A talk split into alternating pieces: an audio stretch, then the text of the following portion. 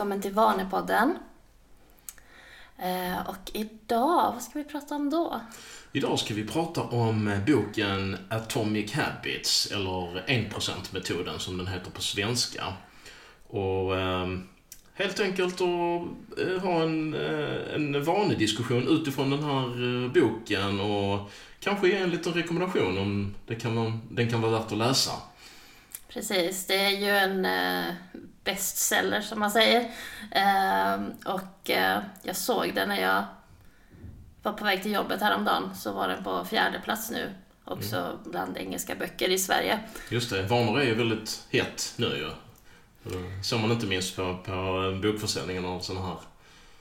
Och den här, eh, den här boken var ju en av de första böckerna som jag läste kring vanor. Mm, samma här. Eh, och det är ju, ja herregud, det är ju två år sedan nu. Tiden går fort. ja, tiden går fort när man håller på med vanor. Absolut. Eh, och jag har ju faktiskt läst den mer än en gång också. Mm. Mm. Jag också. Jag har lyssnat på den och, och läst den både på svenska och engelska. Så. Mm. Och det finns ju, det finns ju mycket eh, klokt att ta del av i den boken tycker jag. Mm, absolut. Men författaren är ju James Clear. Eh, det är ju en lite både tragisk och intressant historia hur han eh, själv börjar jobba med vanor. Jag vet inte om du vill berätta den eller? Du kan ta, ta den om du vill. Ja, för han uh, spelar ju baseball i, var det high school eller? Uh, och uh, råkade ut för att få ett baseballträ rakt i ansiktet. Och fick rätt allvarlig hjärnskada av det ju. Eh, I alla fall akut hjärnskada. Och eh, liksom skador i, i, i benen i ansiktet och så. Så att han hade en rätt så lång resa tillbaka.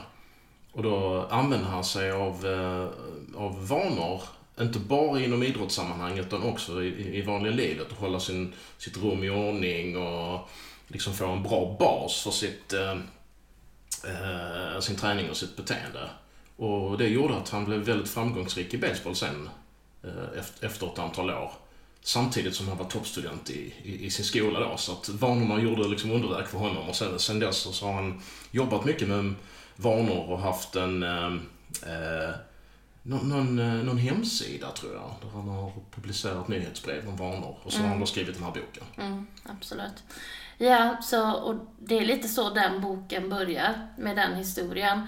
Och det jag gillar väldigt mycket när jag läser det är att det finns mycket exempel och, och att han delar med sig både av sitt eget liv och uh, andras mm. erfarenheter kring vanor och hur man med hjälp av vanor faktiskt har kunnat förändra eh, sitt liv.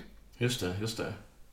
Men äh, finns det något, äh, vilket ska bli vårt första nedslag i, i den här boken?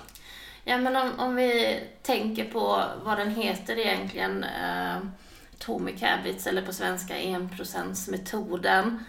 Där har vi lite det övergripande kring hela boken, att, att det handlar om små steg, att små förändringar på lång, alltså ge resultat på lång sikt. Mm.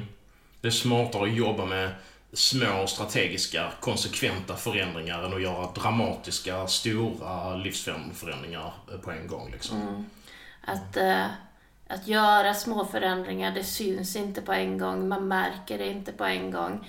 Men om man sluter på ett år eller på två år så gör det stor skillnad. Mm. Han pratar också om att i, i början så kan det kännas jobbigt när man inte får liksom en omedel, omedelbara resultat när man börjar med någonting nytt. Utan ibland så tar det ett tag innan resultaten börjar visa sig. Mm. Och, och då måste man liksom ta sig igenom den perioden. Precis. Och sen efter det så kommer resultaten mer och mer och mer. Mm. Det gäller att ha tålamod tills man kommer till den där eh, klyftan egentligen, när resultatet börjar mm. visa sig. Att även om man inte ser förändringarna så händer det i och med att man har en vana som är igång. Mm, exakt. Exakt. Men eh, vad tycker James Clear om mål? Ja, eh, man ska ju inte fokusera på mål säger han ju. Utan det är bra att ha ett mål som en utgångspunkt för att ta ut riktningen. Men att man ska fokusera på systemet. Och, och med systemet så menar han ju liksom vanebildningsprocessen. Mm. Eh, hur man bygger det, hur man genomför vanan. Mm. Och den här eh, liksom systemet då med, med olika små vanor som utgör den här 1%-metoden då som eh, eh, leder till konsekventa förändringar. Mm. Eh, för eh, har man ett mål så, så har ju det ofta en slutpunkt. Mm, precis. Och, och vad gör man efter slutpunkten? Då slutar man. Ja. Ja.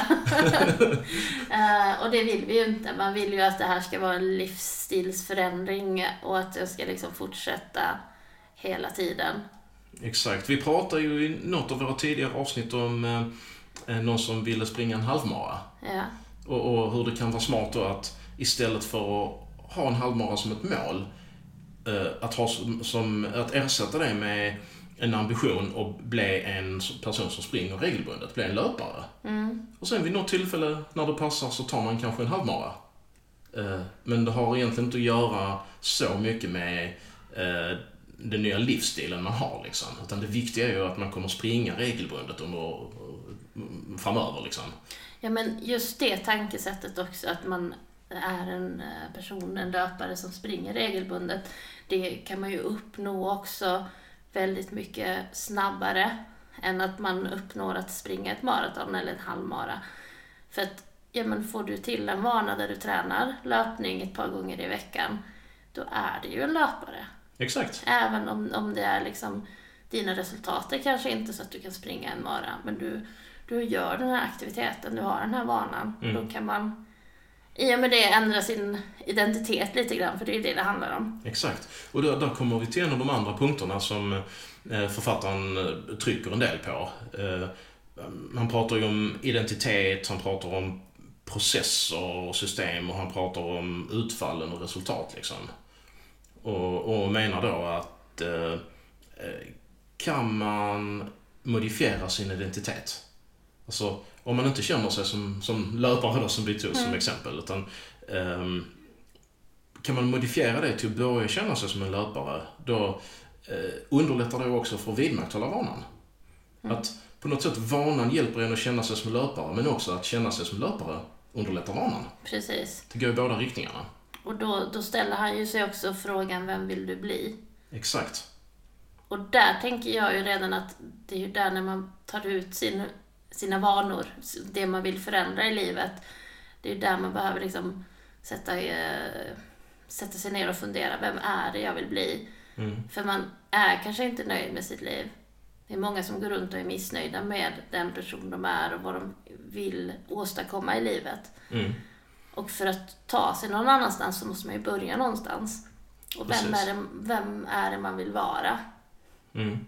Och den, eh, alltså just eh, Eh, den eh, eh, beskrivningen av identitet och så ger han ju i boken. Men han kanske inte fördjupar sig tillräckligt mycket egentligen i hur man kan gå vidare sen med, med exempel och eh, eh mer hjälp kring hur man kan tänka om processen liksom. Hur man får fram, hur man kan, en, en hjälp för hur man kan eh, formulera den identiteten man vill ha och, och hur man går tillväga sen då för att hitta de vanor som kan hjälpa en liksom. Det, är inte så mycket fördjupning om just det i boken.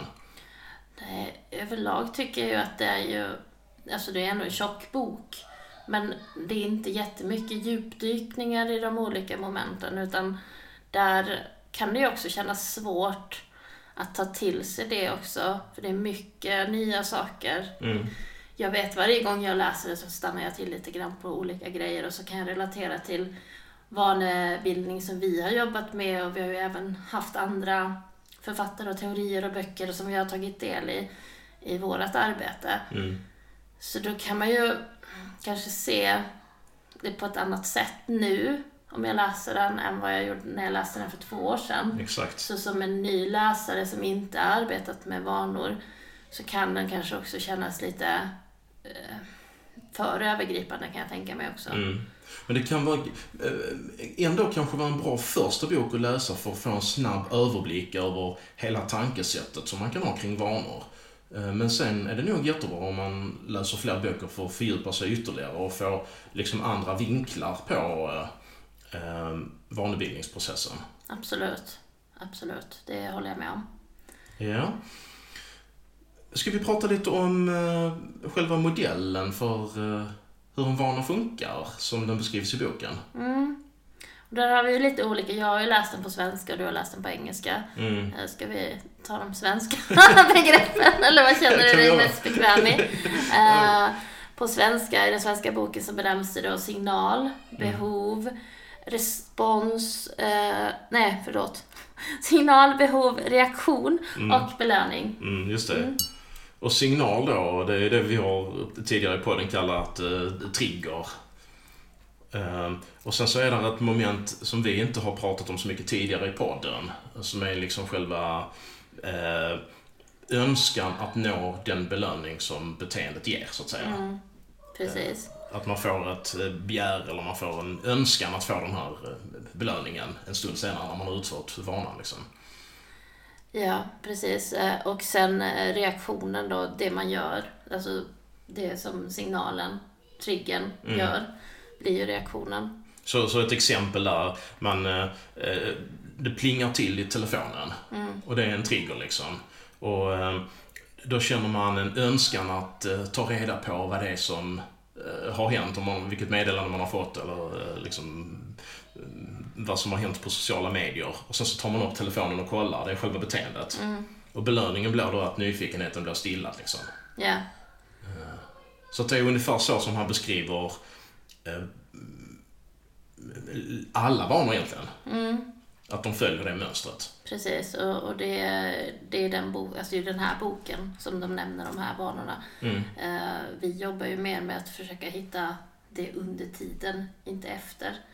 Eh, så det blir ju, det är lite olikt men från det vi har pratat om. Mm, det, fin- det finns andra sätt eh, att beskriva vaneprocessen också.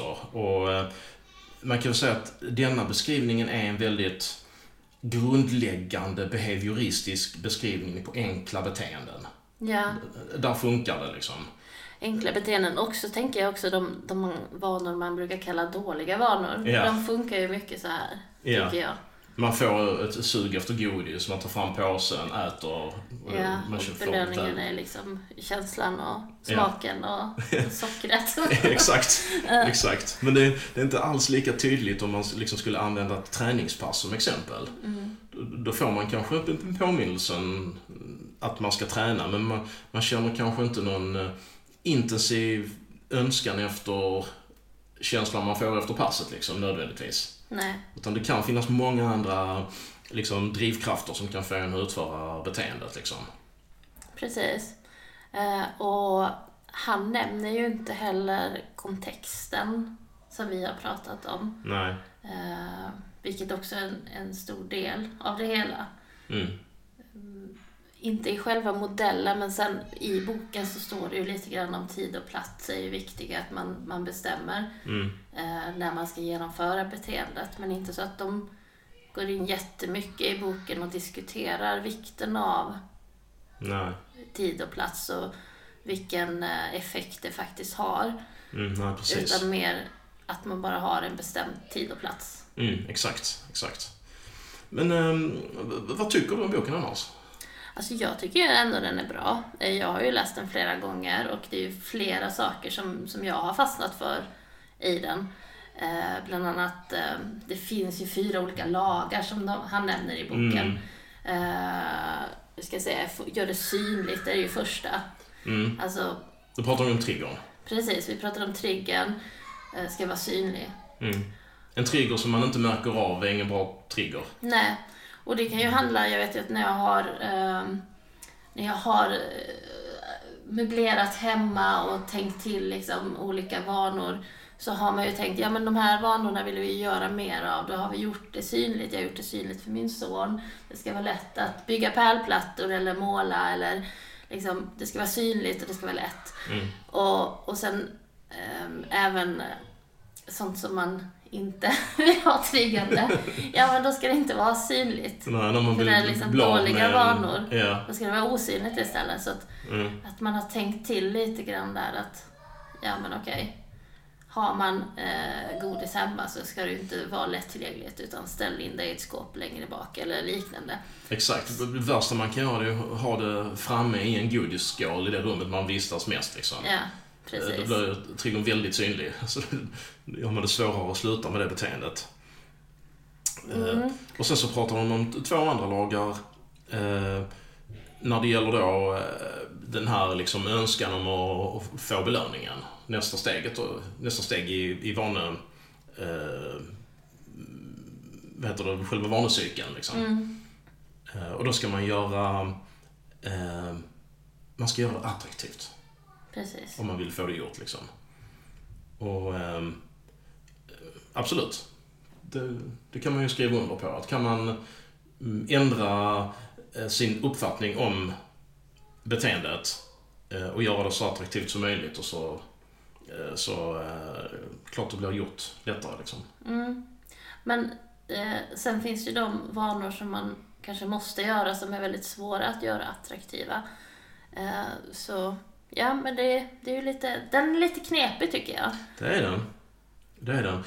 Eh, Som, som vi sa innan så är det kanske inte alla vanor som passar precis i den här eh, modellen. För man brukar ju eh, prata om att det finns ett intention action gap. Mm. Att där finns en del beteenden som man blir påmind om, men där man ändå inte gör någonting. Precis. Man får påminnelsen, men man väljer att inte göra det. Ja. Då händer det ju någonting i den här processen liksom mellan triggern och innan beteendet startar liksom. Mm. Och eh, då kan där finnas många aspekter som, som kanske inte som är viktiga men som inte en sån här enkel modell tar upp. Precis, för det är ju ofta där folk misslyckas. Mm. I det där glappet, ja men de har en trigger och eh, de vet att de ska göra en sak, men de gör det inte ändå. Mm. Eh, så där finns ju ett litet eh, glapp, en liten klyfta Mm. till själva beteendet, att utföra den. Just det, just det. Och nästa del är ju själva beteendet då. Och det är väl ganska självklart då att om man gör beteendet lättare så blir det av oftare. Och gör man det svårare så blir det av mer sällan. Så en vana, någonting man vill göra gör man så lätt man kan. Och någonting man, en vana man vill, vill bli av med gör man så svårt man kan ju. Mm. Och det har vi ju pratat om i tidigare avsnitt, om att eh, när man ska göra en vana lättare så sänker man ribban till, till minsta möjliga beteende så att det blir av. Och eh, ska man göra det svårare, man vill ha bort vanan, så måste man ju höja ribban. Att Mm. göra det för svårt eller för komplicerat att genomföra. Just det, just det. Och James Clear pratar ju också om ett sätt eh, som man kan eh, tillämpa då för att göra en vana, eller göra ett beteende lättare. Som, som heter då tvåminutersregeln. Ja, vill du berätta Så. lite om den? Absolut.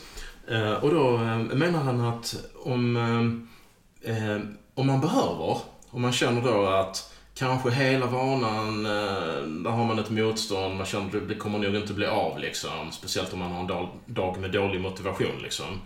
Så gör bara de första två minuterna av hela beteendet. Så är det ett löppass som är planerat så eh, går man och eh, eh byter om, tar på sig träningsskorna, möjligtvis hinner man ut om dörren och sen tillbaka liksom. Men då har man ändå jobbat med vanebildningen, man har startat processen och när man har gjort detta några gånger så kan man lägga på eh, Precis. mer För tid. oftast är ju det där första steget som är det svåra. Och att man får in en vana till att faktiskt börja. Det, och att man håller i den även de dagarna det känns jättejobbigt. Exakt. Just det. Sen har vi ju den sista delen kvar ju, belöningen. Ja, precis. Att göra det tillfredsställande, säger de i boken. Mm, om det är någon vana som man vill ska bli av. Precis. Eh, och då behöver man ju tänka vad är det för belöning man vill ha. Och eh, varför vill man ha det? Liksom, kan man känna någonting eh, till den här vanan som är tillfredsställande?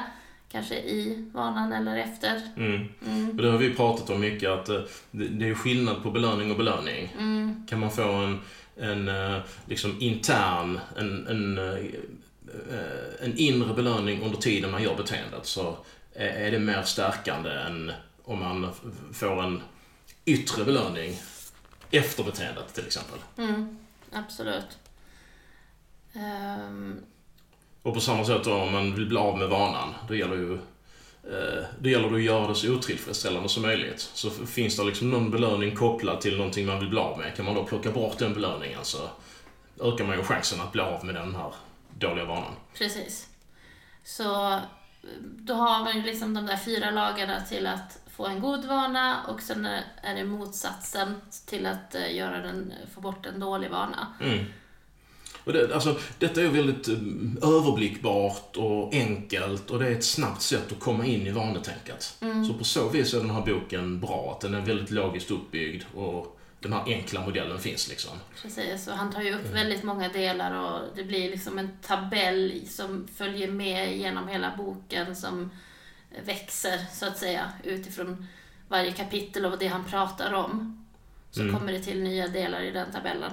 Ehm, en eh, del som han lyfter är ju också att, eh, att man behöver uh, vaneprotokoll, lyfter han ju. Att eh, för att kunna förändra ett beteende, en vana, så behöver du faktiskt vara medveten om den. Just det. Ehm, att, och, och det pratar vi ju också om väldigt mycket, att man behöver synliggöra hur det ser ut idag, hur ser mitt liv ut och vilka vanor har jag?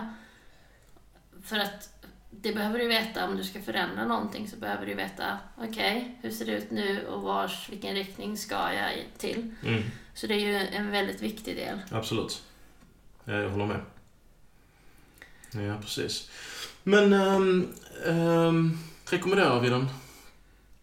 Ja, absolut. Mm. Det skulle jag göra. Mm, jag också. Men eh, jag tycker när man har läst denna så kan det vara bra att man kompletterar med, eh, med ytterligare litteratur som, som kanske går lite djupare och har, har någon annan vinkel. Eh, så att man eh, eh, inte liksom eh, bara kan ha denna vanemodellen och luta sig på. För att den, är som sagt byggd den har sin utgångspunkt i väldigt enkla behavioristiska modeller. Liksom.